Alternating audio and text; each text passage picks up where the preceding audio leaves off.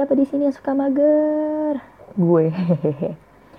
Entah apa yang merasukiku. Hingga aku suka mager jadi keblenger. Udah, saya kena virus gagak. Oke, back to topic. Kadang tuh ya, mager-mager gini tuh bikin gue nyesel endingnya. Gak ngapa-ngapain, padahal urusan numpuk cin Tapi gue menemukan rumus untuk mengatasi mager dengan cepat yaitu 5 second rule alias aturan 5 detik dari ibu Mel Robbins. Jadi caranya kalau pas banget lagi mager, kita tinggal hitung mundur dalam hati 5, 4, 3, 2, 1, dan bangun.